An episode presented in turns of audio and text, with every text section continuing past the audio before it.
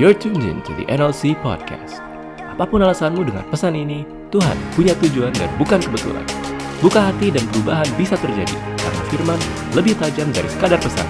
Selamat mendengarkan.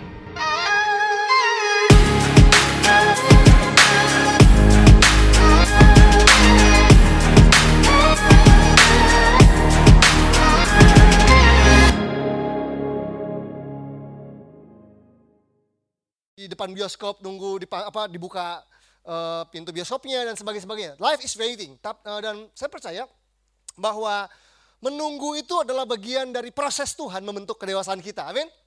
Ya gak sih? Dan menunggu itu hanya bisa terjadi di dalam ruang dan waktu. Kalau waktu itu nggak ada di bumi ini, nggak ada namanya menunggu. Karena di bumi ini, di dunia ini, di set ada waktu, maka kita harus menunggu. Nah, saya ingin teman-teman kita belajar sesuatu ketika saya menggumuli dan mendoakannya. Saya coba siapin satu message ini dan saya percaya uh, ada sesuatu yang Tuhan mau supaya kita orang-orang muda yang dasarnya luar biasa mempersiapkan diri untuk apa yang ingin Allah kerjakan. Sama-sama buka Alkitabnya, Pengkhotbah pasal 9 ayat yang ke-11. Pengkhotbah pasal yang ke-9 ayat yang ke-11. Pengkhotbah ayat pasal yang ke-9 ayat yang ke-11. Kalau yang sudah ketemu bilang ketemu gitu. Kalau udah ketemu ya. Pengkhotbah 9 ayat yang ke-11. Pengkhotbah 9 ayat yang ke-11. Yuk kita baca sama-sama ayat ini. Cuman satu, baca sama-sama. Satu, dua, tiga. Lagi aku melihat di bawah matahari bahwa kemenangan perlombaan bukan untuk yang cepat dan keunggulan perjuangan bukan untuk yang kuat. Juga roti bukan untuk yang berhikmat. Kekayaan bukan untuk yang cerdas dan karunia bukan untuk yang cerdik cendikia. Karena waktu dan nasib dialami mereka semua. Teman-teman, kita pengkhotbah lagi beritahu sesuatu. Bahwasanya gini, kita rata-rata berpikir begini. Di bumi ini, di dunia ini punya aturan. Ada sebuah aturan yang tidak tertulis bahwa kalau ingin menang, lu harus cepat, gitu kan. Kamu harus kerja dengan cepat, kamu harus menangkap momentum dengan cepat, harus uh, deal bisnis dengan cepat, segala sesuatu dengan cepat. Itu logikanya biasanya. Bahkan keunggulan, biasanya orang yang unggul itu orang yang kuat. Kuat mentalnya, kuat backingannya, kuat dananya, segala macam lah. Gitu ya. Dibilang roti, untuk orang yang berhikmat. Kalau mau diberkati, lu harus punya hikmat untuk buat keputusan. Kalau ingin kaya, lu harus cerdas. Lulusan sekolah uh, atau kampus tertentu. Uh, ingin karunia untuk yang cerdik dan cendikia. Tapi Alkitab bilang begini, kemenangan perlombaan bukan untuk yang cepat. Ternyata nggak semua yang kita pikir atau logika yang uh, kita pikir itu terjadi atau berlaku, itu berlaku seterusnya di bumi ini. Dibilang kemenangan nggak selalu untuk yang cepat. Keunggulan nggak selalu untuk yang kuat. Roti nggak selalu untuk yang berhikmat. Kekayaan juga nggak selalu untuk orang yang cerdas. Karunia juga nggak selalu untuk orang yang cerdik cendikia. Dan kalimat terakhirnya bilang gini, karena waktu dan nasib dialami mereka semua. Dengan kata lain, Alkitab lagi mau mau, mau bilang gini teman-teman, betul ada kalanya menang itu karena cepat, karena kuat, karena kita cerdik, berhikmat dan sebagainya. Tetapi lebih penting lagi daripada semua itu adalah jadi orang Kristen, jadi orang percaya yang tahu waktu. Karena ada banyak orang bukannya nggak kuat, bukannya nggak pinter, bukannya nggak berhikmat, bukannya nggak cepat, tapi ada orang-orang Kristen yang kalah dalam hidupnya karena nggak tahu waktu. Tahu gak sih kadang-kadang paling kesel adalah kalau kita, nah saya pernah punya teman yang ketinggalan pesawat karena nggak tahu waktu. Besok pagi subuh mau terbang ke luar negeri, malam sampai tengah malam lewat gitu ya main PS, main PlayStation. Dia main PS nggak dosa, tapi ketika nggak tahu waktu ketinggalan pesawat, gitu aja kan. Jadi ada banyak orang yang kalah dalam hidupnya, mengalami masalah dalam hidupnya, nggak ngalamin mujizat dalam hidupnya, nggak ngalamin terobosan dalam hidupnya, hanya karena nggak tahu waktu. Hanya karena nggak tahu waktu. Dan dikatakan di sini ada dibilang bahwa karena waktu dan nasib dialami mereka semua. Kalau dalam terjemahan aslinya dikatakan waktu dan kesempatan, time and chance gitu ya. Waktu dan kesempatan itu dialami oleh semua orang. Nah, teman-teman, berapa waktu yang lalu saya pernah udah lama banget ya, belasan tahun yang lalu, saya pernah membaca sebuah buku motivasi yang ditulis oleh Anthony Robbins. Anthony Robbins itu backgroundnya mungkin uh, lebih ke arah motivational, bahkan mungkin ke arah humanistik gitu ya, humanistik dan sebagainya. Tetapi ada satu bukunya dia judulnya uh, Unlimited Power. Itu buku sekuler yang uh, apa tentang self development dan sebagainya. Dia menulis satu kalimat begini. Yang saya ingin saya ingin pinjam kalimat ini. Saya tidak mau bilang bahwa uh, bahwa Anthony Robbins meng, mengatakan kebenaran, tetapi ada satu statementnya dia yang menurut saya bagus untuk kita comot dan kita coba isi dengan apa yang kita pelajari dari firman Tuhan. Dia bilang gini, ada sebuah rumusan. Lucky, dia bilang gitu, lucky, lucky itu apa ya? Keberuntungan. Lucky sama dengan preparation plus opportunity. Dia tulis begitu di bukunya. Ada sebuah rumusan yang dia temukan waktu dia lihat kehidupan bahwa orang yang beruntung adalah orang yang melakukan ini persiapan bertemu dengan kesempatan preparation plus opportunity opportunity. Oke saya ganti lucky. Karena kita mungkin nggak percaya lucky. Kita percaya kita diberkati ya nggak sih? Kita bukan beruntung kita diberkati amin? Jadi kalau kita ingin mengalami terobosan kita mengalami breakthrough kita ingin mengalami sukses ini kita bisa pinjam ini. Preparation plus opportunity ada persiapan yang kita lakukan dan ada kesempatan yang Tuhan berikan. Ketika kesempatan datang, kita siap, kita lompat ke dalamnya dan sesuatu terjadi. Nah, teman-teman, hari ini saya ingin bicara tentang waktu. Bahwa orang Kristen harus mempersiapkan diri untuk waktu-waktu yang akan terjadi dalam kehidupannya. Kita kita sedang menunggu sesuatu, good, tapi kita perlu tahu apa yang kita perlu persiapkan ketika kita menunggu sesuatu. Nah, basically begini, uh, bicara tentang waktu, saya percaya Allah kita, Tuhan kita adalah Tuhan yang hidup di luar dan di dalam waktu. Amin.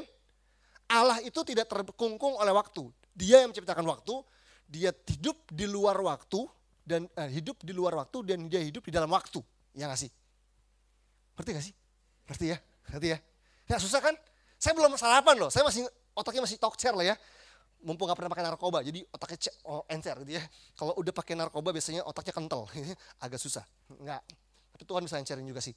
Ya, jadi intinya adalah gini, teman-teman. Tuhan itu tidak dibatasi waktu. Nah, Tuhan itu punya waktu namanya waktu kekal atau kekekalan.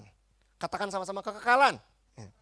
Nah, Tuhan itu punya waktu namanya waktu kekal, tidak terbatas ruang dan waktu. Dia hidup dalam kekekalan. Kalau dalam bahasa Yunani-nya katanya Ioneos. Ya, Tuhan itu Tuhan, waktunya Tuhan adalah waktu Ioneos, kekal. Waktunya manusia itu terbatas ada hitungan waktu, jam, menit, detik, hari, minggu, bulan dan sebagainya, tahun dan sebagainya. Itu waktunya manusia itu dalam bahasa Yunani disebutnya kronos.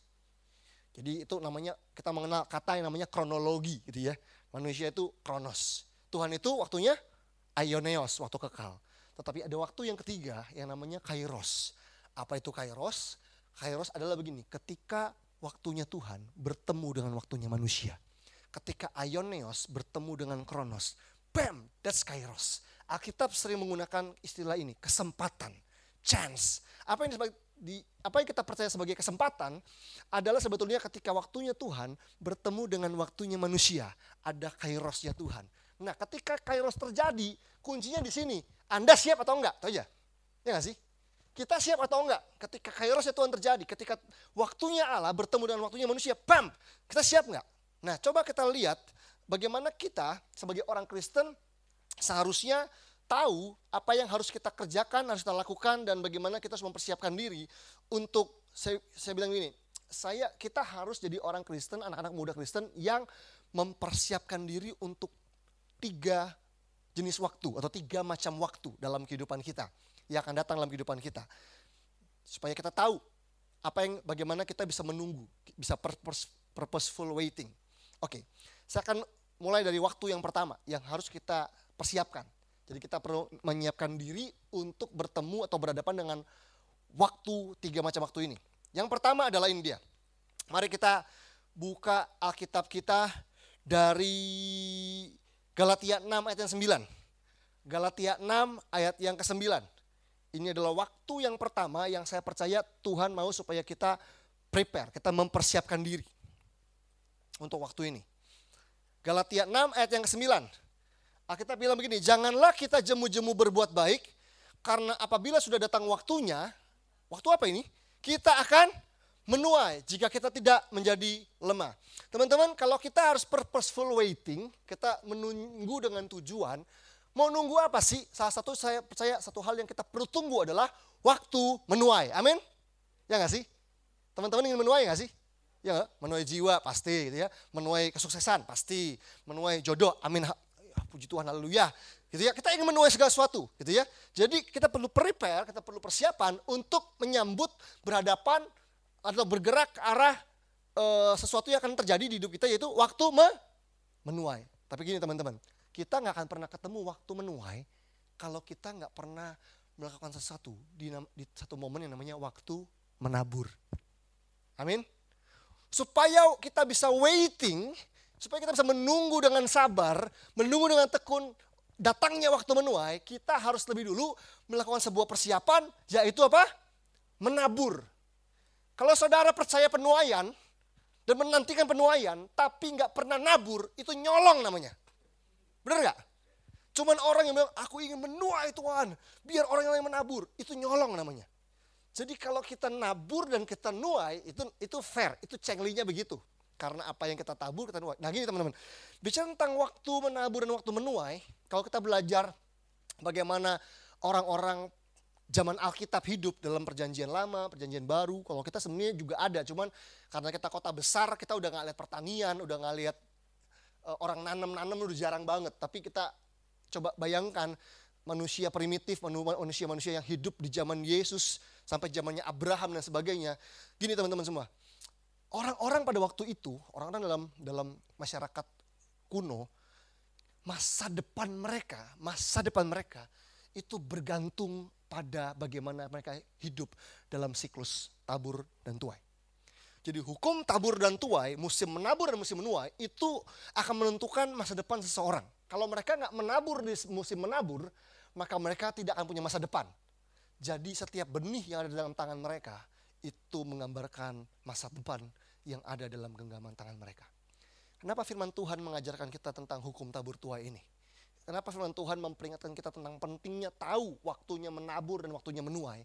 Karena sebetulnya Tuhan mau beritahu kita bahwa masa depan kita pun ditentukan oleh hukum rohani ini. Bahwa ada yang namanya hukum tabur tuai. Teman-teman semua. Mazmur 126 ayat yang keempat, kelima dan keenam kalau saya kutip aja deh, teman-teman boleh catat ayatnya, saya kutip aja bilang begini. Uh, pulihkanlah keadaan kami ya Tuhan, seperti memulihkan batang air kering di tanah Negeb. Orang-orang yang menabur dengan mencucurkan air mata akan menuai dengan bersorak-sorai. Orang yang berjalan maju dengan menangis sambil menabur benih, pasti pulang dengan sorak-sorai sambil membawa berkas-berkasnya. Teman-teman, ini loh. Alkitab bilang kalau kita menabur dengan mencucurkan air mata, kita akan menuai dengan sorak-sorai. Tuh, masa depan ada sorak-sorai, ada tuayan karena kita menabur di masa kini. Jadi penantian iman kita itu bukan penantian kosong. Cuma bilang ya saya percaya Tuhan pasti memberkati saya. Saya percaya pasti dapat kerja yang baik. Saya percaya pasti dapat jodoh yang baik. Saya percaya saya pasti uh, dipakai Tuhan luar biasa. Oke, oke, oke. Tuhan mau kerjakan itu semua. Tetapi di masa kini kita nabur enggak? Itu-itu semua. Iya gak sih? Kita ingin kerja dipercaya oleh atasan kita. Pernah menabur kejujuran enggak dan integritas enggak dalam hidup kita? Kita ingin menuai jiwa-jiwa, pernah nabur firman enggak? Pernah ngomong tentang Yesus enggak buat teman-teman kita yang kenal Tuhan? Pernah doain keluarga kita enggak? Pernah doain orang tua kita yang masih nyembah berhala enggak? Enggak pernah. Terus kita berharap mereka dituai. Saya rasa enggak, enggak begitu cara kerjanya Tuhan. Waktu kita mulai menabur, saya percaya Allah bekerja di situ, ya nggak sih? Kadang-kadang itu yang sering kali kita nggak mau bayar harga, teman-teman. Bahwa Tuhan bekerja melalui hukum tabur dan tuai. Ada hal-hal yang perlu kita tabur dalam diri kita. Karena saya percaya ada pekerjaan Allah dalam diri kita. Amin. Jadi kalau saudara ingin menabur, Anda bisa menabur untuk pekerjaan Allah dalam diri Anda atau Anda bisa menabur untuk pekerjaan Allah dalam diri orang lain. Nah. Ada pekerjaan Allah dalam diri kita yang kita perlu tabur. Kita mempersiapkan diri dan sebagainya itu bagi kita menabur. Firman Tuhan ditabur di dalam kita, termasuk kita menabur dalam kehidupan orang-orang sekitar kita. Saya selalu ketemu orang-orang tua, orang kan kalau saya mengembalakan itu keluarga muda, banyak punya anak-anak kecil. Banyak orang tua yang kepengen anaknya sukses, anaknya luar biasa, tapi salah nabur. Bego lu, bodoh lu, brengsek lu. Kalau yang ditabur adalah kutuk, brengsek, bodoh, kurang ajar, dia nggak bakal jadi luar biasa, hebat, diberkati. Enggak, ya nggak sih? Anak itu akan bertumbuh dengan bagaimana dia ditabur. Sama waktu saya ketemu sama satu pasangan, uh, saya pernah ngonselin sebuah pasangan, istrinya dominan, super dominan. Suaminya super pasif. Wah itu pasangan paling tersiksa gitu ya. Suaminya pasif, istrinya dominan. Terus istrinya bilang begini, Pastor, saya tuh gregetan sama suami saya. Tahu gak, suami saya tuh lelet, lelet banget kayak keong. Dia bilang gitu. Jadi berkali-kali sepanjang konseling dia ulang itu kalimat terjadi repetisi demi repetisi. Ini lelet, lelet. Saya bilang stop, stop, stop, stop, stop. Gitu. Kalau kamu terus ngucapin kata kutuk lelet, lelet ke suami kamu, itu lama-lama tergenapi terus dalam hidup dia. Ya. Jadi mulai ganti kalimat itu. Jadi bilang, Pak, saya percaya papa bisa lebih cepat lagi sekarang. Gitu dong.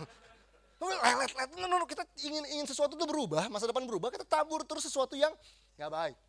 Kalau ingin sesuatu itu berubah, tabur sesuatu, masa menua itu akan datang. Walaupun dengan kadang-kadang didahului dengan masa menabur yang mencucurkan air mata. Nah teman-teman saya ini adalah, uh, saya lahir di keluarga katolik.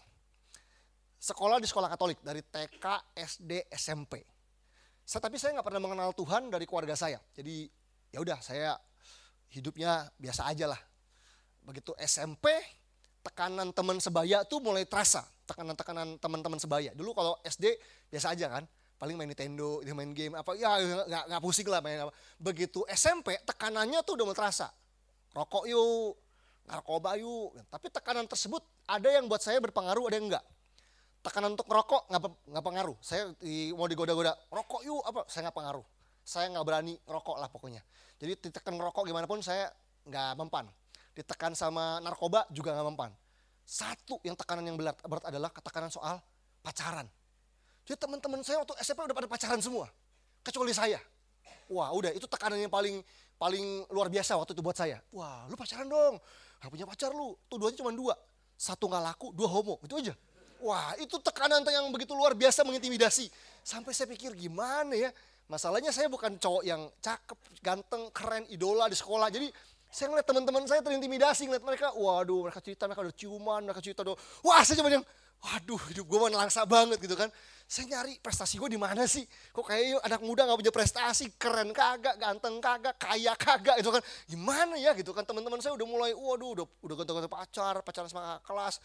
Saya kok nggak nggak merasa berhasil.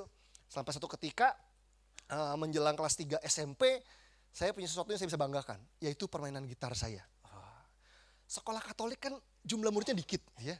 Dan hari itu saya karena di rumah ada gitar sekolah minggu, sebenarnya buat sekolah minggu eh, tante saya saya pakai buat belajar gitar sama -anak tongkrongan dan kebetulan jago. Zaman dulu kan belum ada YouTube, belum ada apa ya. Jadi belajar tuh harus di tongkrongan. Wah gitu ya. Dan saya dikenal jadi dewa gitar di sekolah saya. Sekolah Katolik yang muridnya dikit ya gitu ya saingannya juga dikit. Diakui sebagai dewa gitar. Itu acara 17-an manggung kan. Wah manggung lagu-lagu terkini. Waduh cewek-cewek tiba-tiba histeris kan. Wah kan zaman itu kayaknya sekolah kita boringin banget, bosenin banget. Tiba-tiba ada acara akustikan gitu dengan lagu-lagu yang terkini anak-anak band. Wah gitu kan. Dan saya salah yang tiba-tiba muncul lah di permukaan di kelas 3 SMA. Dan hari itu saya bingung, wah ini tiba-tiba pamorwan naik di gara-gara 17-an kan. Lumayan bisa main gitar gitu kan. Dan di situ ada satu adik kelas saya, dia, anak kelas 1 SMA, saya kelas 3 SMP. Eh sorry, dia kemarin sih. Dia itu kelas 1 SMP, saya kelas 3 SMP kan begitu kan. Jadi saya lirik-lirik, ih ada nih, ada anak baru nih, uh, cantik nih gitu kan. Cantik, pinter lagi gitu kan. Kesayangan guru lagi gitu. Jadi saya coba mendekati dia. Tapi saya lihat-lihat teman-teman yang lain naksir juga. Anak kelas 1 naksir dia, anak kelas 2 naksir dia, anak kelas 3 naksir dia. Waduh sayangannya berat banget gitu kan. Tapi waktu saya dengar-dengar cari info gitu kan, saya cari uh, kirim mata-mata, ternyata dia sudah ditembak sembilan pria. Ada sembilan anak dari kelas 1, kelas 2, kelas 3 nyatakan cinta, semua ditolak gitu ya. Jadi saya ada pria ke-10. Saya maju ketemu dia gitu ya, saya uh, saya pemalu. Dulu zaman itu pemalu cuman ngelewat depan kelasnya dia lagi di depan saya cuma manggil namanya kabur gitu ya. Pokoknya culun banget lah pokoknya. Aduh, nggak ada skill-skillnya gimana lah gitu ya anak SMP kelas 3 zaman sekarang mah udah pakai bunga, udah pakai apa lah gitu ya, udah udah udah pakai rayu-rayuan, saya nggak bisa iya gitu kan. Akhirnya teman saya udah ngojok-ngojokin kan tekanan gitu, wah udah sikat tembak. Akhirnya pulang sekolah saya datengin kelasnya, saya bilang, eh boleh ngomong sebentar nggak? saya suka sama kamu. Intinya saya bilang saya nyatakan cinta saya dan mujizat diterima. Setelah sembilan pria yang ditolak, anak band diterima gitu kan. Waduh, terima kasih Dewa 19, Slang dan wah itu lagu-lagu yang saya bawain zaman-zaman dulu kan. Wah, terima kasih gitu kan. Eh, saya nggak punya apa-apa, saya nggak punya kepintaran nilai yang bagus di rapot, tapi saya punya itu dia chord-chord lagu-lagu terkini zaman itu. Dan setelah jadian, besoknya saya ketemuan gitu ya, uh, ketemuan sama pacar baru saya gitu ya. Baru saya bawa kertas, bawa buku gitu kan nama lengkap siapa? Alamat rumah berapa? Baru nyari biodata sih. Saking parahnya saya itu pendekatan sama ini. Dan selama saya pacaran, saya pacaran kurang lebih 9 bulan dengan dengan uh, ya uh, cewek yang ini. Saya tuh hasrat pengen bikin dosa tuh ada. Cuma nggak berani. Jadi tertahan bukan karena firman Tuhan dan ada kekudusan, enggak, tapi karena cupu dan pemalu. Saya gimana ya caranya ngajak ciuman, gimana ya bisa ini. Wah jadi teman saya tuh udah ceritakan keluar, uh, pas pacaran, abis, abis ciuman. Wah gitu, gue gimana caranya nih. Jadi saya ngumpulin keberanian, cari strategi, cari taktik gitu kan. Wah segala macam. Begitu keberanian muncul, udah terbangun. Pas mau lulus tuh menjelang lulus SMP kelas 3, saya diputusin. Ya, jadi terhambat bikin dosa tuh bukan karena karena memang hidup kudus bener punya prinsip? Enggak cuman apes sih dia sial. Udah mau jadian menyatakan cinta malah diputusin gitu. Jadi waktu itu kelas 3 SMP kan udah mau lulus kan sekolah kita itu nggak punya SMA jadi harus saya harus ke sekolah lain. Saya cari dapat sekolah negeri gitu kan. Selama ini sekolah Katolik terus pindah ke sekolah negeri. Nah waktu itu zaman era di mana satu ada satu band yang baru muncul zaman itu. Namanya band Stinky. Nah, tau tuh band Andre Taulani. Itu baru muncul bandnya. Itu lagi lagunya dia tuh lagi hits banget. Judulnya Mungkinkah. Ya tau kan? Mungkinkah kita akan selalu bersama walau terbentang jarak antara kita. Saya latihan lagu itu, saya apalin kuncinya. Saya mau nyanyi kan, perpisahan nih, dalam arti uh, kita, mungkinkah kita selalu bersama walaupun terbentang jarak gitu kan. Lu di sekolah ini, gue pindah sekolah, ya kita selalu bersama kan. Maksudnya saya mau ngomong begitu. Begitu mau nyanyi, saya bilang lagi pembukaan gitu kan, iya saya mau nyanyi lagu ini karena percaya kalau kita berpisah walaupun jarang terbentak kita akan selalu bersama. Eh dijawab, e, maaf kak, kita putus aja ya. Hah putus gitu kan, gak pernah berantem. Kenapa? Karena kita satu sekolah aja kakak gak perhatian. Waduh, itu hancur banget hati saya. Saya kaget gak pernah berantem, gak pernah cemburu-cemburuan gitu ya. Sembilan bulan tuh ya karena saya pemalu kan jadi diam-diam aja nggak pernah marah nggak pernah apa tapi nggak pernah nggak pernah macam-macam lah baru pengen pengen aneh-aneh, ya udah putus. Itu saya hancur hati banget, saya sedih banget, terpukul banget di rumah buka dompet. Zaman dulu kan buka dompet ada fotonya dia. Kalau sekarang buka, buka HP kan, zaman dulu belum ada HP gitu kan, buka dompet, ya ada fotonya dia nangis lagi gitu kan. Lihat mau makan, mau mandi, keinget wajahnya dia, mata merah gitu ya. Kalau ketemu teman-teman lagi nongkrong, saya bercandanya over, bercandanya lucu, hanya nutupin perasaan saya. Wah pokoknya, jadi tahu kan kalau teman-teman yang tiba-tiba lucu, nah baru putus dia pasti, baru dia putus cintanya gitu ya ketahuan aja pokoknya. Jadi saya hari itu tuh cuman kayak, aduh Tuhan pokoknya uh, saya sedih banget. Dan akhirnya udah deh teman saya bilang, udah lu bangkit, bangkit lah, bangkit lah ya. Itu belum dalam Tuhan tuh. Jadi kita ketemu sekolah yang baru, sekolah negeri. Dan waktu saya masuk hari pertama, buset muridnya banyak banget. Waktu, waktu zaman saya sekolah katolik, sekolah SMP tuh kelas 1, cuma dua kelas. Kelas 2, kelas tiga kelas. Dikit banget, begitu kelas SMA, kelas 1, 6 kelas, 6 kelas. Banyak banget muridnya gitu kan per kelasnya juga banyak. Jadi waduh terima kasih Tuhan ini harapan punya pacar stoknya banyak gitu. Pilihannya makin luas gitu. Waduh udah deh saya punya cita-cita masuk uh, sekolah ini. Satu saya pengen bikin band baru di sekolah ini. Iya nunjukin. Kemarin kan Dewa Gitar di kolam kecil kan. Ini kolamnya lebih gede. Ayo kita pamer lagi skill gitar. Yang kedua saya ingin cari pacar lagi gitu kan pacar baru lah gitu kan. Tapi apa yang terjadi adalah ketika saya lagi lagi lagi mau lagi apa lagi scan-scan bulan-bulan pertama ya mau wah ini lucu juga, ini lucu juga nih boleh juga. Dan lagi ngamat-ngamatin cari tahu namanya siapa dan sebagainya di sekitar tiga bulan pertama deh saya malah dijangkau oleh kakak kelas saya. Ada satu kakak kelas saya, kita kan masuknya siang pulang saya sore gitu kan masuk sekolah negeri saya bagian kelas siang pulang sore tiap Jumat tiap Jumat sore saya dijagatin sama kakak kelas saya namanya David. Badannya kurus gitu ya, rambutnya gembel, tebel gitu ya. Jadi kayak jamur, badannya kecil, badannya rambutnya gede gitu ya. Bajunya kegedung, kegombrangan, kalau ada angin lebek-lebek kayak Batman gitu ya. Dia tiap Jumat sore tuh nyegatin kita gitu. Jadi dia bilang gini, kamu Kristen ya? Jangan pulang dulu ya, nyegatin gitu. Dia nyegat dengan tampang culun ya, dengan baju dimasukin, baju dimasukin sampai eh, gesper tutwuri ini tuh kelihatan. Kok zaman dulu kan kita baju dikeluarin gitu ya, yang bandel-bandel gitu sih anak-anak yang rokok apa gitu. Saya dijaga sama yang begitu tuh tersinggung. Karena kan saya anak tongkrongan kan. saya nggak ngerokok, saya nggak narkoba. Tapi teman saya anak tongkrongan semua. Yang apa, transaksi narkoba lah segala. Saya cekat, jangan pulang dulu ya. Ya elah nih siapa sih? Mau gue toyor palanya, cuman dia gak kelas. Nanti kita baru masuk di sini dimarahin lagi kan. Jadi saya bilang, e, cari alasan lah, menghindar dari dia. Yuk ikut persetuan doa. Bilang, zaman itu teman-teman, itu itu era zaman ibadah YouTube belum populer kayak sekarang. Jadi saya kebayangnya tuh yang namanya nyari Tuhan tuh orang tua, udah mau mati nyari Tuhan. Anak muda suruh nyari, ya ampun, Hillsong, Planet Shakers, zaman dulu nggak ada kali ya. Jadi saya cegatin, yuk persoalan doa, belajar Alkitab. Apaan sih gitu kan. Gila norak banget, kita lagi demennya Green Day, lagi demennya Guns N' Roses dan sebagainya. Dicegat kita untuk berjaya firman Tuhan, ya ampun gitu kan. Tapi nggak berani, kita cari alasan. Sorry kak, nggak bisa kak. Kita harus, saya harus pulang karena saya harus bantuin papa saya rapiin rumah kabur gitu kan. Jumat depan cegat lagi, sorry kak nggak bisa kak, harus temenin mama saya ketemu rumah saudara, kabur. Maaf kak nggak bisa lagi kak, kenapa? Nenek saya meninggal, kabur. Ya. Pokoknya saya udah sampai bingung, tiap Jumat cegatin cari cara, sampai udah muter alasan tuh. Nggak bisa orang tua apa-apa saya bersihin rumah, temenin lagi. Saya nggak bisa, harus temenin mama saya untuk ini. Wah nenek meninggal bisa dua kali, nggak bisa. Alasannya cari yang lain. Ya. Waduh, pokoknya udah bingung. Sampai satu titik kita nyerah. Saya berlima sama teman saya nyerah, ya udah deh biar puas yuk kita sekali lah ikut dia lah pengen tahu gue gitu kan. Jadi kita datang ke rumahnya dia diajak. Rumahnya tuh dari sekolah tuh dibilang jauh-jauh juga enggak. Masuk gang kecil tikus apa jalan tikus masuk belok masuk belok. Sampai gang yang cuma motor satu biji doang wah masuk. Gila ini kita pulangnya gimana nih?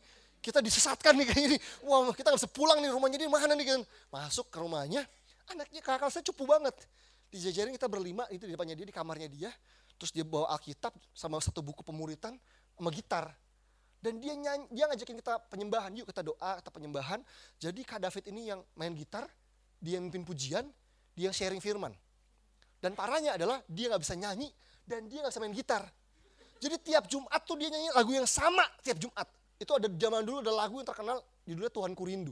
Dia mainkan pakai kunci C gitu kan. Saya ngeliatin aja anak anak band kan. Wah, yang gitar nih jago jangan-jangan nih. Dia main Tuhanku rindu. Pindah kuncinya lama banget. Woi, gue dewa gitar. Yuh, kan. Kayak kesel banget itu. Ya elah, nyanyi fals. Main gitarnya berantakan. Dan tiap Jumat nyanyi Tuhanku rindu. Masuk dalam hadiratmu. Ya ampun Tuhan Yesus, keburu datang dah. Ya, saya kesel banget dengerin dia terus dia sharing sambil terminder-minder. Sampai nunduk-nunduk kalian ngerti gak sih? Ngerti gitu kan. Kita berlima ngerti. Dia malu-malu gitu kan. Wah tapi dia berjuang keras. Teman dia paksa kita saat teduh. Kamu kamu tiap hari sate nggak? Anak katolik kan nggak pernah ngerti saat teduh kan. Kamu sate nggak? Sate bakso. Apa sih nasi goreng? Apa sih? Saat itu saat teduh apa itu saat itu? Artinya kamu punya kehidupan doa. Tiap pagi berdoa, malam berdoa, baca firman. Waduh, boro-boro. Saya mau tidur pakai lagunya Green Day. Zaman dulu masih kaset pita ya, kaset pita itu. Cetek lagu Green Day ter itu sampai saya tidur kasetnya mati cetak gitu kan. Wah, itu itu udah ritualnya saya. Saat teduh, boro-boro doa. Ya ampun, mana mungkin doa gitu kan. Jadi dia paksa paksa kami untuk doa, punya kehidupan doa. Tiap Jumat diintimidasi, suruh doa. Wah, bolong berapa? Bolong semua. Bolong berapa? Bolong semua. Pokoknya diojang-ojangin dengan firman Tuhan gitu kan. Saya bilang, aduh sayang lu kakak kelas, badan kurus begitu. Uh, tabrak juga lu gitu kan. Aduh, tapi akhirnya karena kesal gitu ya, karena pecah, apa telurnya gak pernah pecah, apa saya gak pernah saat teduh. Teman-teman saya yang empat, yang empat karena basicnya Kristen Protestan gitu, jadi mereka saat teduh. Ya saya bolong bolong tiga kak, bolong empat kak. Loh gue bolong semua terus kan gitu kan. Waduh, coba sekali lah biar pecah telur lah. Masa iya yang lain pesawat teduh anak bandel-bandel masa gue kagak. Saya nyoba sekali teman-teman, saya nyoba sekali. Apa yang terjadi adalah saya dijamah Tuhan di kamar. Saya nangis di kamar satu kali lagi doa. Cuman awalnya bingung, ngerti kan? Gimana sih saat teduh? Lu nyembah Tuhan. Nyanyi di kamar. Yang bener aja. Saya bilang kamar saya tuh sama mama saya, papa saya cuma disekat oleh lemari gitu kan. Jadi gimana gue nyembah Tuhan, anak bandel atau nyembah Tuhan, lucu banget gitu kan. Udah jangan nyembah Tuhan, kalau gitu gini aja deh, lu tutup matiin lampu, lu duduk di tempat tidur, saya diajarin. Lu merem, terus bilang aja gini, haleluya.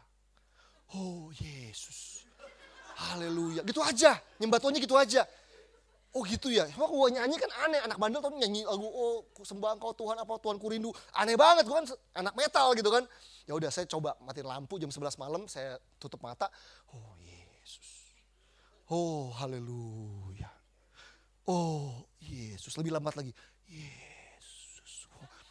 Setengah jam gitu doang. Tiba-tiba saya merasakan sesuatu di kamar saya. Saya nangis teman-teman. Saya nangis sampai hari itu saya sampai saking bingung kan. Karena sebelah sebelah tempat tidur saya, tempat tidur adik saya. Sebelah situ ada lemari, sebelahnya orang tua saya gitu kan. Kalau gue nangis, mama saya apa gak bingung? Lu digebukin siapa malam-malam? Gak ada orang gitu kan. Jadi saya tekep muka saya pakai bantal. Wuh, nangis ya. Ngapain malam-malam gue nangis kan aneh banget. Saya nangis.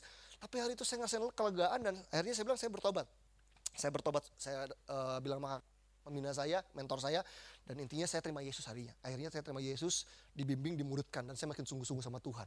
Diajarin macam-macam, nggak boleh ini, nggak boleh itu, semua hukum Taurat diajarin lah ya, nggak boleh nyontek, nggak boleh ngerokok, nggak boleh apa, kaset-kaset duniawi tolong dibakar. Wah dibakar kan. Pokoknya hari itu saya ngikut aja, saya mau mengasihi Tuhan. Saya bakar lagu Green Day, baju rock saya metal, bakar, coret-coret salib-salib, salib-salib, bakar. Pokoknya udah radikal. Sampai satu momen, betul saya punya baju isinya gambar-gambar rocker gitu ya, dengan gitar listrik itu kesukaan saya, saya tulisin ayat-ayat Alkitab, saya gambarin salib-salib, saya bakar di situ gitu, biar ini disucikan oleh Tuhan gitu ya, kartu-kartu koleksi saya, kartu basket, Dragon Ball dan sebagainya, bakar gitu ya, pokoknya semua hidup untuk memuliakan Tuhan. Wah, sampai satu kali saya datang sama Tuhan ya doa Tuhan saya mau buat satu komitmen, saya ingin bernazar di hadapan Tuhan.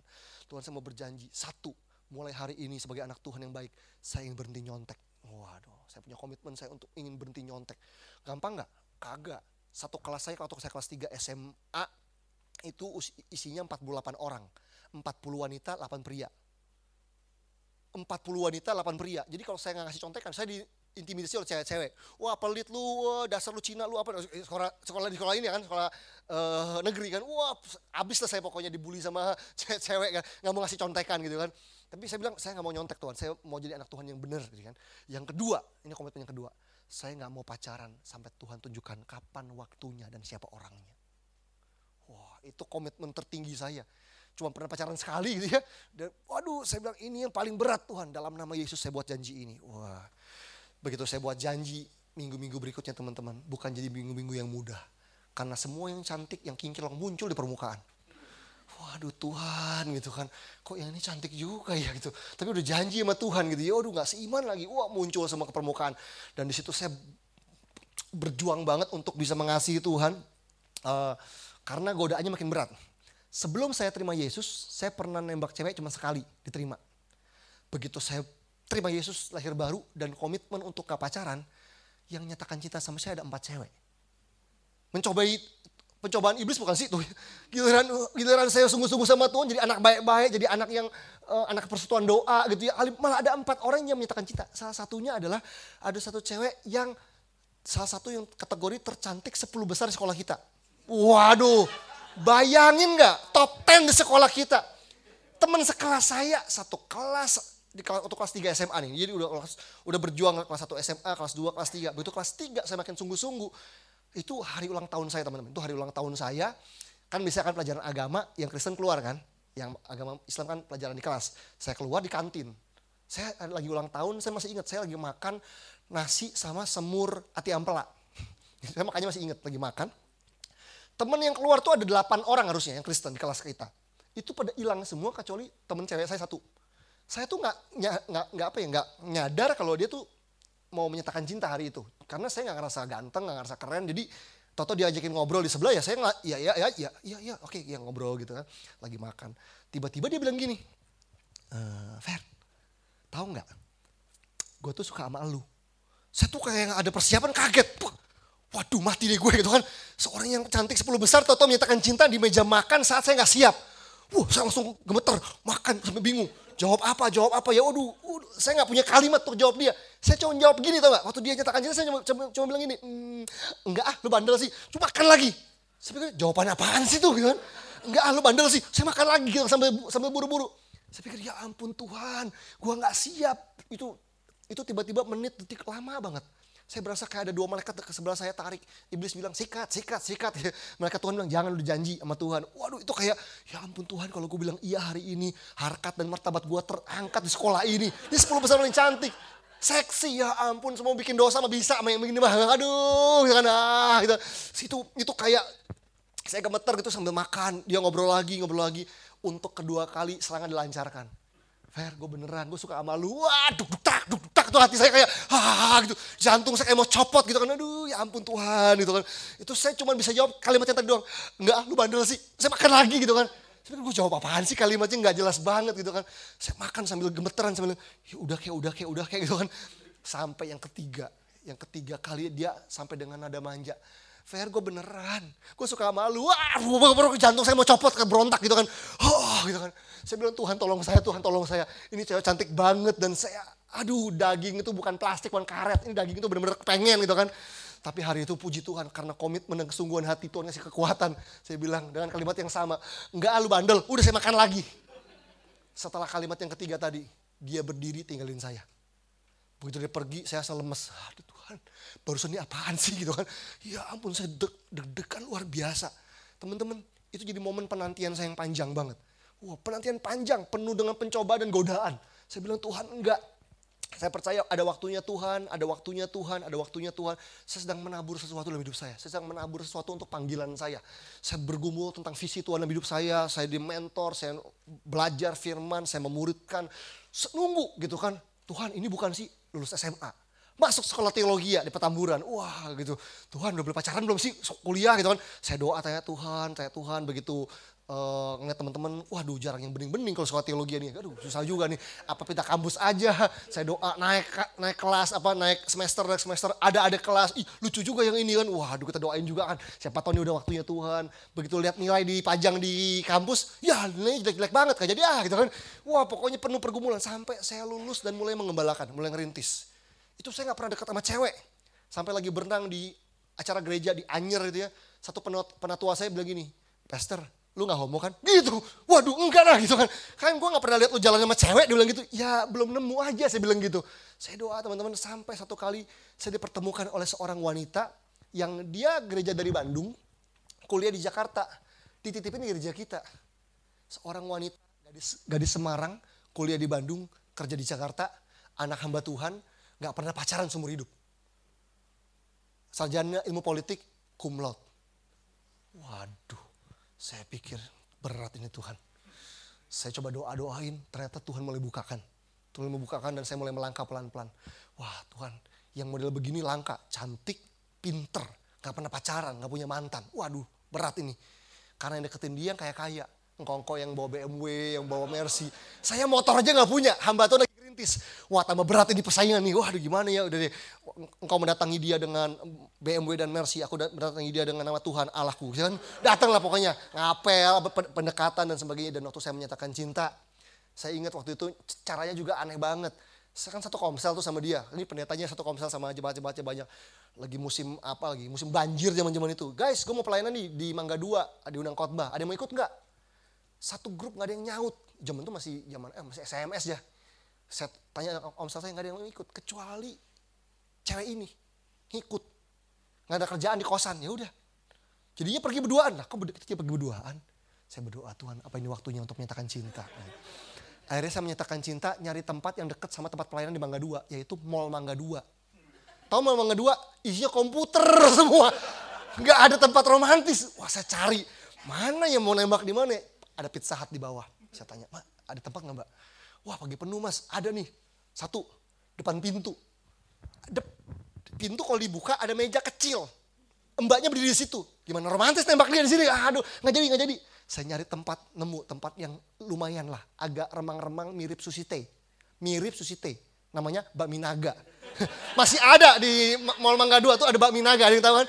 Kan agak remang-remang ya, agak gitu ya, agak asli lampunya kuning-kuning gitu kan. Di situ lah, terpaksa lah, udahlah. Nggak ada romantis-romantisan lah, nggak punya duit juga. Saya nyatakan cinta di situ, saya bilang, saya bilang saya suka sama kamu, saya sudah mendoakan. Saya saya, saya cuma pengen tahu, oh iya atau enggak. Kalau enggak saya mundur. Kalau iya ya kita akan maju. Terus dia langsung jawab, iya saya juga suka sama kamu. Serius kan? Saya langsung, ah, akhirnya penantian panjang gue. Masih menabur dengan mencucurkan air mata. Akhirnya kelar juga gitu ya. Ya ampun dapat juga cewek cantik, pinter, cinta Tuhan. nggak punya pacar, ya ampun. Begitu saya ses, uh, udah 10 menit ngobrol, saya tanya sama dia Kenapa sih jawab iya? Gue pengen tahu alasannya. Penasaran aja, keren banget juga enggak, kaya enggak, kok mau sama saya sih?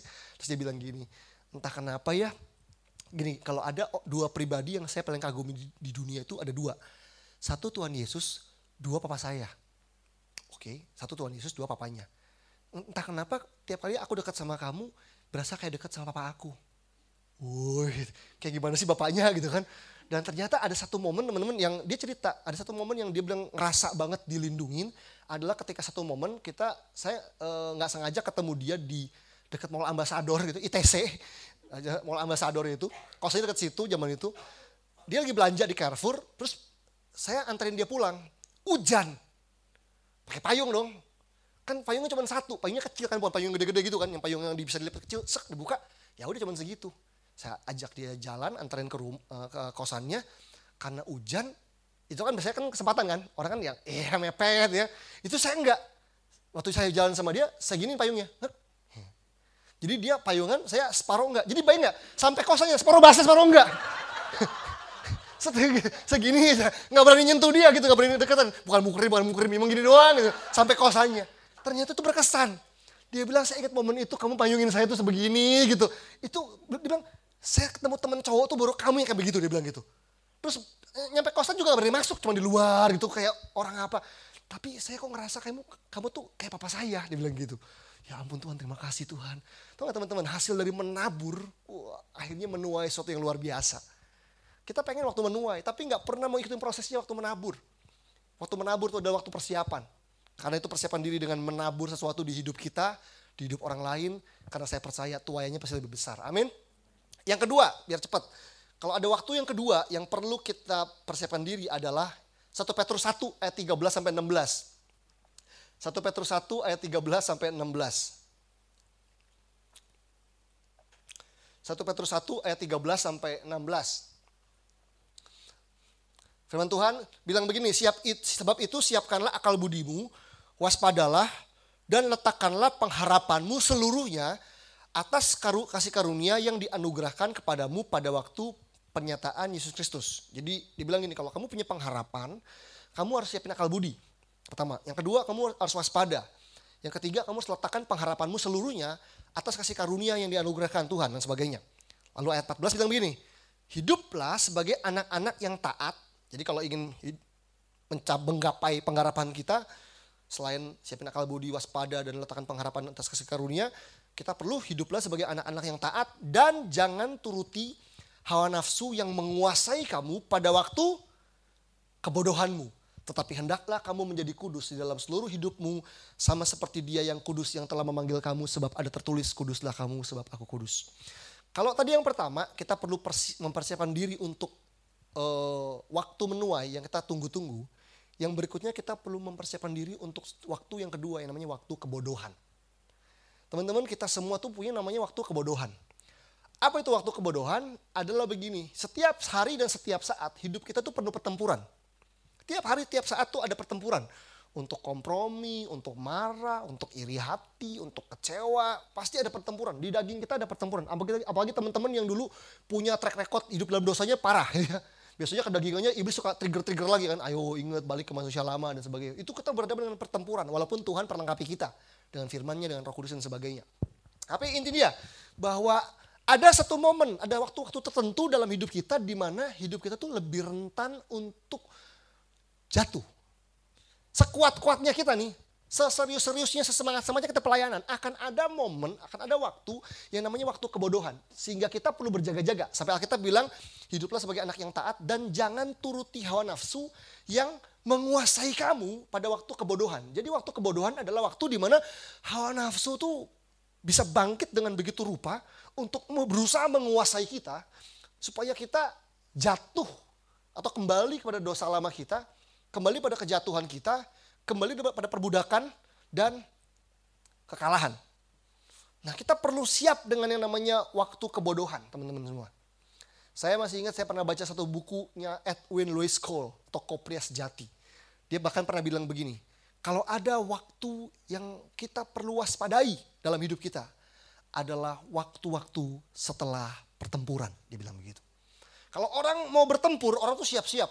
Ngasah pedang, ngasah tombak, ngasah golok gitu ya, latihan. Wah siapin, ayo siap. Itu kayak film 300. Wah, wah semangat ya. Tapi begitu selesai perang, orang itu mulai ngendorin mengendorkan persiapannya kan ada capek habis perang gantung perisai gantung tombak gantung pedang Ed, Ed Cole bilang begini dalam pertempuran rohani kalau ada waktu yang paling berbahaya adalah waktu setelah pertempuran Karena banyak orang was, eh, nggak waspada di situ, nggak berjaga-jaga di situ. Dan akhirnya iblis justru memakai waktu setelah pertempuran untuk jatuhkan banyak orang, uh, untuk mengalahkan banyak orang, untuk bawa seseorang balik pada dosa lamanya, kembali pada keterikatan dan sebagainya. Kenapa kita perlu mewaspadai waktu kebodohan teman-teman? Karena Tuhan mau kita hidup kudus. Amin. Apa sih hidup kudus itu? Ada orang mikir hidup kudus itu kayak orang lagi menghindar dari kotoran gitu ya. Kayak ngeles, nggak boleh ngerokok, nggak boleh pornografi. Cuman kayak cuma ngeles doang. Saya percaya Tuhan nggak panggil kita hidup kudus itu cuma untuk pasif. Kekudusan pasif, cuman menghindar dari kotoran supaya nggak cemong, supaya nggak kotor, supaya nggak terkontaminasi. Enggak, enggak. Saya percaya kekudusan tuh artinya begini, hagiatso, artinya gini, dipisahkan untuk sebuah tujuan. Yang namanya kekudusan itu ada yang namanya sense of purpose. Jadi kenapa kita hidup kudus, kita dipisahkan, dibuat berbeda, karena ada tujuan Allah di situ. Ada rencana Allah yang kita genapi, ada visi Allah yang kita genapi. Makanya saya percaya gini, orang yang punya visi itu kayak orang hamil. Orang yang kalau berdoa Tuhan aku minta visi, Tuhan akan taruh benih di rahim rohanimu. Itu akan kamu harus jaga hidup ya gak sih? Kenapa orang yang punya visi harus jaga hidup? Karena dia sedang mengandung benih visi. Coba lihat orang hamil deh, zaman istri saya hamil. Naik tangga pelan-pelan, nggak makan duren, nggak ngopi, nggak makan bakar-bakaran. Ya, mau makan sushi, jangan nih telurnya mentah, gitu nggak dimakan. Orang yang hamil yang lagi lagi mengandung itu jaga hidup ya nggak sih? Nggak ada orang hamil, joget-joget, eh bentar, bayinya ntar jungkir balik gitu kan. Jadi jalan pelan-pelan, naik tangga pelan-pelan, makan milih-milih, dijaga gizinya, perlu makan apa yang banyak, yang mana nggak boleh. Sama orang itu kalau nggak mengandung visinya Tuhan, dia harus jaga hidup. Karena ada tujuan Tuhan yang akan lahir dari hidup kehidupannya dari rahim rohaninya. Nah kita perlu waspada dengan waktu kebodohan, karena waktu kebodohan itu bisa membuat kita visi Tuhan itu teraborsi gitu. Supaya akhirnya visi Tuhan nggak tergenapi dalam kehidupan kita. Padahal ini dia, Tuhan mau kita hidup kudus karena kita dipisahkan untuk sebuah tujuan. Saya masih ingat beberapa waktu yang lalu saya dengar Pastor Jeffrey Rahmat dari JPCC pernah bilang begini. You are at your very best when you are pure and holy. Intinya dia bilang ini, kamu akan berada dalam kondisi kehidupan terbaik dalam hidupmu ketika kamu hidup kudus. Wow. Saya pikir benar juga ya, kalau kita anak muda ingin maksimal, kita perlu hidup kudus. Dan saya ingat ada satu hamba Tuhan yang belum lama ini jatuh. Ada satu hamba Tuhan yang meninggalkan Tuhan yang lumayan rame e, diberitakan dari Amerika. Namanya Joshua Harris. Teman-teman dari baca bukunya dia? buku-bukunya saya baca I Kiss Dating Goodbye, uh, Last is not the problem but last eh uh, Sex is not the problem but last is apalagi Boys Meet Girls dan sebagainya. Saya baca bukunya dia dan saya masih ingat ada satu statement dia dia bilang gini, kekudusan itu adalah tuayan. Keren loh. Jadi kalau kamu ingin hidup kudus, kamu perlu menabur sesuatu yang kudus dalam hidupmu untuk bisa hidup kudus karena kekudusan adalah tuayan. Karena itu waktu kebodohan akan menjadi pertempuran yang sulit buat kita. Sekali lagi, waktu kebodohan akan menjadi pertempuran yang sukar buat kita kalau kita nggak pernah menabur apa yang kudus di hidup kita. Karena kekudusan itu tuayan. Harus ada benih kekudusan yang kita tabur, ada benih firman yang kita tabur dalam kehidupan kita. Dan saya percaya teman-teman kalau yang paling kenapa kekudusan itu sesuatu yang menantang dan menantang dan berat buat kita karena letak sangatnya dosa itu ada pada ini, kenikmatan. Ya gak sih? Kenapa orang anak muda jatuh bangun dalam dosa dengan segala macam? Udah tahu konsekuensinya. Kalau pakai narkoba itu seperti ini. Kalau pacaran nggak kudus tuh seks bebas tuh seperti ini. Tapi kita jatuh bangun di sana. Kenapa? Karena ada yang namanya sangat yang namanya kenikmatan. Tapi saya percaya salah satu caranya Tuhan untuk mengalahkan uh, dosa adalah begini. Menggantikan inferior pleasure of sin dengan superior pleasure of Jesus pleasure dilawan pakai pleasure, ya gak sih? Saya percaya bahwa di tangan kanannya ada nikmat senantiasa. Kita bilang gitu kan, bahwa, bahwa kalau kita bilang dosa itu nikmat, enggak, Yesus lebih nikmat. Jadi kita melawan kenikmatan dosa dengan kenikmatan pribadi Allah. That's why tinggal dalam hadirat Tuhan teman-teman. Karena kita mau menikmat, mengalami indahnya, nikmatnya Tuhan. Sehingga gini deh, gini deh. Kalau teman-teman hobi makan, sudah ketemu makanan yang enak gitu ya dulu makan misalkan steak yang biasa-biasa, fiesta steak. Oh enak nih. Begitu udah ketemu steak yang yang digigit, wah sorga terbuka. Tiba-tiba steak yang tadinya kita pikir enak udah udah udah udah nggak level. Ya. Karena kita udah ketemu nikmatnya uh, makanan yang jauh lebih tinggi. Sama, waktu kita menemukan nikmatnya Tuhan, kenikmatan dosa itu harusnya kalah. Tapi kita nggak pernah kejar itu. Kita coba berusaha mengatasi dosa dengan manajemen. Jangan ini, jangan itu, jangan ini, jangan itu. Kamu nggak bisa mengalahkan dosa dengan manajemen. Kita bisa mengalahkan dosa itu dengan dengan kebenaran Allah yang di dalam kita. Pribadi roh kudus dalam kita. Kenikmatan Tuhan dalam diri kita. Karena gini, waktu kebodohan itu membuat kita akhirnya kehilangan gini, kita lagi menang, kita kan lagi menanti janji Tuhan nih. Harusnya jaga hidup. Tapi kalau kita terjebak dalam waktu kebodohan, kita akan jadi lama untuk menerima pengenapan janji Tuhan. Kalau kita terjebak dalam waktu kebodohan kita, teman-teman, waduh, kita lagi buang waktu aja. Buang waktu dan masalah jadi makin rumit, rumit dan sebagainya. Saya pernah dengar cerita, pernah baca cerita di satu buku. Ada suami istri, orang Kristen nih ceritanya. Satu kali berantem, pertengkar di rumah tangganya. Biasalah ya, yang namanya suami istri berantem biasa. Tapi kali ini mereka nggak mau baikan. Jadi ngulur-ngulur waktu. Jadi sama-sama tersinggung dan bilang, kalau nggak dia duluan, gue nggak mau. Kalau dia minta maaf duluan, gue nggak mau. Jadi sama-sama mengeraskan hati, pria sama wanita, suami sama istrinya. Tapi malamnya mereka harus kondangan kan di kondangan harus baik-baik dong gitu kan jadi jadi repot kan tapi lagi gencatan senjata nih nggak ngomongan kan terus mereka lagi dandan suaminya lagi pakai baju tuxedo gitu ya lagi pakai jas istrinya pakai gaun begitu lagi pasang gaun kan perempuan misalnya pakai gaun yang uh, zaman dulu tuh pakai sleting yang dinaikin ke atas kan nggak nyampe tangannya aduh nggak nyampe gimana nih sambil dalam keadaan berantem gitu kesel-keselan suami eh pak tolong pasangin dong sambil dengan nada nggak enak ngomongnya Suami juga kesel kan, udah berantem nggak baik kan nggak minta maaf nyuruh nyuruh lagi gitu kan. Ya udah di sletingnya dinaikin kan, seret. Karena iseng suaminya, seret, seret, seret, seret, seret dimain-mainin, seret, seret, seret, seret. Tek, patah. Apa kancingnya itu, pegangannya itu patah. Begitu patah di tengah gitu, istrinya Wah tambah marah dong, wah lu ya emang sengaja lu ya. Bikin gue tuh malu ya berantem lah mereka berdua gitu kan. Tambah meledak, wah bikin malu. Cari gara-gara lu emang dasar lu yang ini, ini. Emang gak demen sama gue lu berantem lah. Enggak gitu maksud gue, wah berantem dah. Udah deh ini gimana gimana, yaudah kan kelihatan rambutnya pendek kan kelihatan jadinya dia ada patahannya kan, udah tutupinnya pakai sial. Jadi jadi nyari sial di apa di kamar apa di lemari pakai udah pergi kondangan. Begitu pulang di mobil berantem lagi. Tuh kan semua orang menghina gue, semua orang tuh nyindir gue sebenarnya. Sial gue tuh jelek, ini sial udah lama. Enggak, semua orang muji lu, katanya sialnya bagus. Enggak, ini kan sial jelek. Berantem lagi kan. Hati belum beres. Ya udah, mereka tidur berdua dalam keadaan tidak ada rekonsiliasi, tidak ada permintaan maaf tanpa ada saling mengampuni. Karena gara tidur bawa kejengkelan dan ke kekesalan, bangun pagi istrinya dapat ide. Dia dapat ide, dia melek mata, dia bilang gini, wah gue minta ganti rugi sama suami gue jadi suaminya dicolek, dia bilang gini, Pak, ha, kan laki-laki kalau udah ngantuk gitu kan, ah, eh, ah, ah, gitu kan. Nggak mau tahu ya, karena kamu udah ngerusakin gaun aku, aku minta ganti. Aku akan beli gaun yang baru, yang mahal, gue beli dua. Gesek kartu kredit lo yang bayar.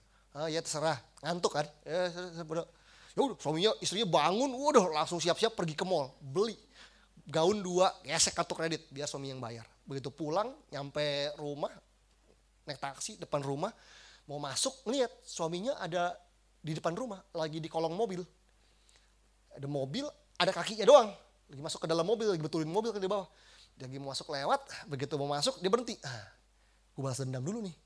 Dia taruh dulu kantongnya dia jongkok gantian. Dia main resetting suaminya eh, celananya. Duduk seret seret seret seret, seret gantian lo kan. Uh, dia masuk ambil ambil apa uh, kantongnya begitu buka pintu puk sesak napas istrinya Kenapa? Karena dia ngeliat suaminya lagi nonton TV di, di ruang tamu. Tiba-tiba dia, suaminya lagi nonton TV. Hah, mah, kenapa mah? Kenapa bawa gaun kok jadi sesak napas gitu?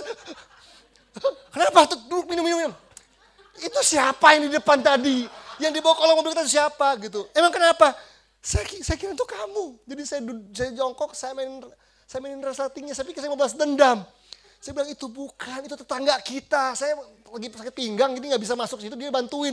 Ya ampun, waduh gimana? Istrinya nangis kan. Udah deh kita baikkan dulu, kita baikkan dulu, kita baikkan dulu, kita dulu, rekonsiliasi, berdoa. Terus Pak gimana Pak?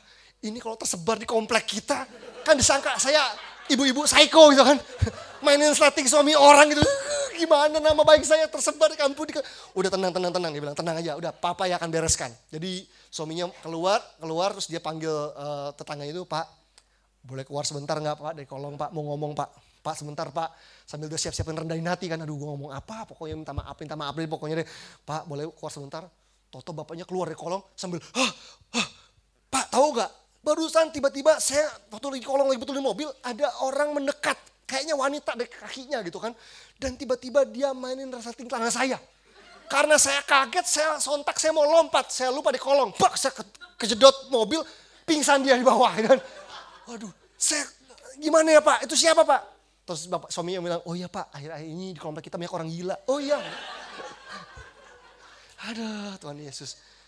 Kalau nggak diberesin, waktu kebodohannya jadi panjang ya nggak sih? udah banyak ruginya, udah banyak rusaknya, banyak hancurnya dan sebagainya. Karena itu firman Tuhan mau kita untuk mengatasi waktu kebodohan kita. Amin. Yang terakhir, Lukas 19. Lukas 19 ayat 41 sampai 44. Lukas eh, 19 ayat 41 sampai 44. Kalau yang pertama kita perlu nyiapin waktu menyiapkan diri untuk yang namanya waktu menuai. Yang kedua kita perlu mempersiapkan diri untuk waktu kebodohan supaya kita nggak jatuh di situ. Tapi sebaliknya kita bisa kejar pengharapan kita dalam Tuhan. Yang ketiga kita perlu siap untuk waktu yang ketiga ini. Lukas 19 ayat 41 sampai 44. Dan ketika Yesus telah dekat dan melihat kota itu, ia menangisinya, katanya, "Wahai Betapa baiknya jika pada hari ini juga engkau mengerti apa yang perlu untuk damai sejahteramu. Tetapi sekarang hal itu tersembunyi bagi matamu. Sebab akan datang harinya bahwa musuhmu akan mengelilingi engkau dengan kubu. Lalu mengepung engkau dan menghimpit engkau dari segala jurusan. Dan mereka akan membinasakan engkau beserta dengan pendudukmu dan pada tembokmu. Mereka tidak akan membiarkan satu batu pun tinggal terletak di atas batu yang lain karena engkau tidak mengetahui saat, karena engkau tidak mengetahui waktu bila mana Allah melawat engkau. Kalau ada waktu yang ketiga yang kita perlu persiapkan diri adalah yang namanya waktu lawatan, teman-teman. Dibilang engkau nggak mengerti apa yang perlu untuk damai sejahteramu, dikatakan begitu. Tersembunyi dari matamu, musuhmu mengepung, mengelilingi dan sebagainya. Teman-teman, musuh kita adalah iblis. Dia mengepung kita dengan begitu rupa untuk bikin kamu yang baik-baik, yang punya damai sejahtera, tiba-tiba kepahitan, tiba-tiba iri hati, tiba-tiba dalam kesesakan, tiba-tiba terintimidasi, tiba-tiba segala macam. Kita dikepung dengan segala macam dan itu sebabnya kita membutuhkan lawatan Tuhan. Cuman ini dia yang yang satu kali saya dapat satu pelajaran penting ketika zaman saya belum pelayanan, saya belum khotbah zaman itu, saya belum mengembalakan, saya belum khotbah, saya ada di sebuah gereja anak muda bantuin teman saya. Jadi ceritanya cuma bantu-bantu main gitar gitu. Terus kita kan sebelum ibadah ngumpul kan, ngumpul untuk doa bareng. WL-nya ngajakin doa, ayo ngumpul semua pemusik, singers kita doa sama-sama. Terus WL-nya berdoa begini, Tuhan kami rindu lawatanmu. Tuhan kami rindu jamahanmu Tuhan. Bapak kami rindu engkau menyatakan kemuliaanmu di tempat ini. Nah saya sebagai pemain gitar pembantu gitu cuman pegangin gitar sambil ya amin, amin. Begitu doang. Tapi entah kenapa hari itu Tuhan ngomong ke saya. Saya dapat satu pencerahan yang waktu dengar doanya, Tuhan kami rindu lawatanmu, kami rindu engkau menyatakan kemuliaan, kami rindu hadiratmu. Waktu saya lagi pegang gitar lagi begini, lagi dengar ikut doa, tiba-tiba Roh Kudus ngomong di hati saya, tahu nggak? Kalau kamu bilang kamu rindu hadiratku, aku jauh lebih rindu loh untuk menyatakan hadiratku di tengah-tengah kalian. Tak, saya kaget. Hah? Kamu bilang, kalian bilang kalian rindu lawatan lawatanku. Aku jauh lebih rindu untuk melawat kalian. Kalian bilang kalian rindu untuk melihat kemuliaanku. Aku lebih rindu untuk menyatakan kemuliaanku sama kalian. Itu saya kaget lagi. Karena saya lagi nggak, bukan pengkhotbah, bukan apa, cuma main gitar ala kadarnya gitu. Dengar itu tuh kayak, hah? Tuhan lebih rindu untuk melawat. Aku lebih rindu kata Tuhan untuk menjamah, untuk menyatakan kemuliaan. Tapi sering kali kalian yang gak siap. Teman-teman, hari itu saya dapat pembelajaran yang saya renungkan bertahun-tahun. Begini, ada kalanya kita nunggu Tuhan, ya gak sih? Berdoa nunggu Tuhan, minta jawaban doa, promosi, kerjaan baru, dan sebagainya. Tapi tahu nggak? Jangan-jangan terbanyak yang terjadi bukan cuma kita yang harusnya nunggu Tuhan. Jangan-jangan terbanyak Tuhan yang nunggu kita. Tuhan ingin berkati kita. Tuhan ingin menyatakan kemuliaannya. Dia ingin menolong kita. Kita nunggu, Tuhan kapan waktunya? Jangan-jangan Tuhan udah siap, kita yang gak siap. Banyak orang suka bilang begini, saya pengen tahu waktunya Tuhan tuh kapan sih? Kak saya belum punya pasangan, belum waktunya Tuhan. Saya belum ini, karena belum waktunya Tuhan. Apa sih? Sampai satu kali saya mengerti satu hal teman-teman. Bahwa waktu Tuhan adalah waktu kita siap. Sekali lagi, waktu Tuhan adalah waktu kita siap. Kenapa begini? Dari sisi Tuhan, dari pihaknya Tuhan, Tuhan tuh gak pernah gak siap, ya gak sih? Berkatin kita 5 juta sama 5 M sama gampangnya sama buat Tuhan. Tuhan tuh gak pernah panik. Bapak aku butuh untuk bayar kontrakan, bayar kosan Tuhan. Bapak aku perlu motor baru. Tuhan gak yang, aduh, aduh, aduh, lagi gak punya duit. Gak ada, Tuhan tuh gak pernah gak siap. Kita yang gak siap. Kita yang perlu bertumbuh. Kita yang perlu berubah supaya kita berada pada frekuensi yang tepat untuk terima apa yang Tuhan sedang mau berikan dan lepaskan dalam hidup kita. Termasuk lawatan Tuhan, termasuk terobosan, termasuk waktu kita ngalamin kesesakan, kita bisa Teman-teman gini, banyak anak-anak muda, orang-orang Kristen yang kadang-kadang bergantung bicara tamu. Saya bicara tamu nih, ya saya sih senang hidup udah, khotbah, khotbah bagus, terus maju ke depan orang tumpangin tangan nangis, wow kayaknya prestasi luar biasa gitu ya, reba reba reba nangis. Tapi saya percaya begini, terobosan dalam hati kita itu harusnya nggak ditentukan sama penumpangan tangan. Walaupun penumpangan tangan penting, penting juga. Tapi kalau nunggu ngalamin terobosan waktu ditumpangin tangan,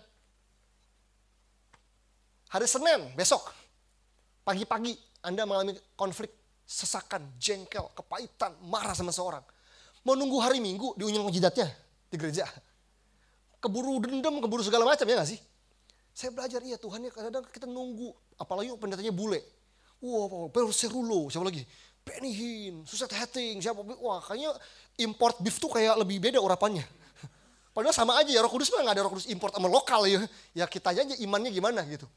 Sampai saya belajar satu kali ada momen dalam kehidupan saya waktu saya diajar sama Tuhan untuk mengerti bahwa dalam diri kamu ada lawatan Tuhan. Karena lawatan itu pekerjaan roh kudus. Kalau roh kudus ada dalam kamu makanya pekerjaannya ada di dalam kamu. Oh iya ya, sedikit kita gak sadar ya. Ada satu momen saya diundang khotbah di satu gereja.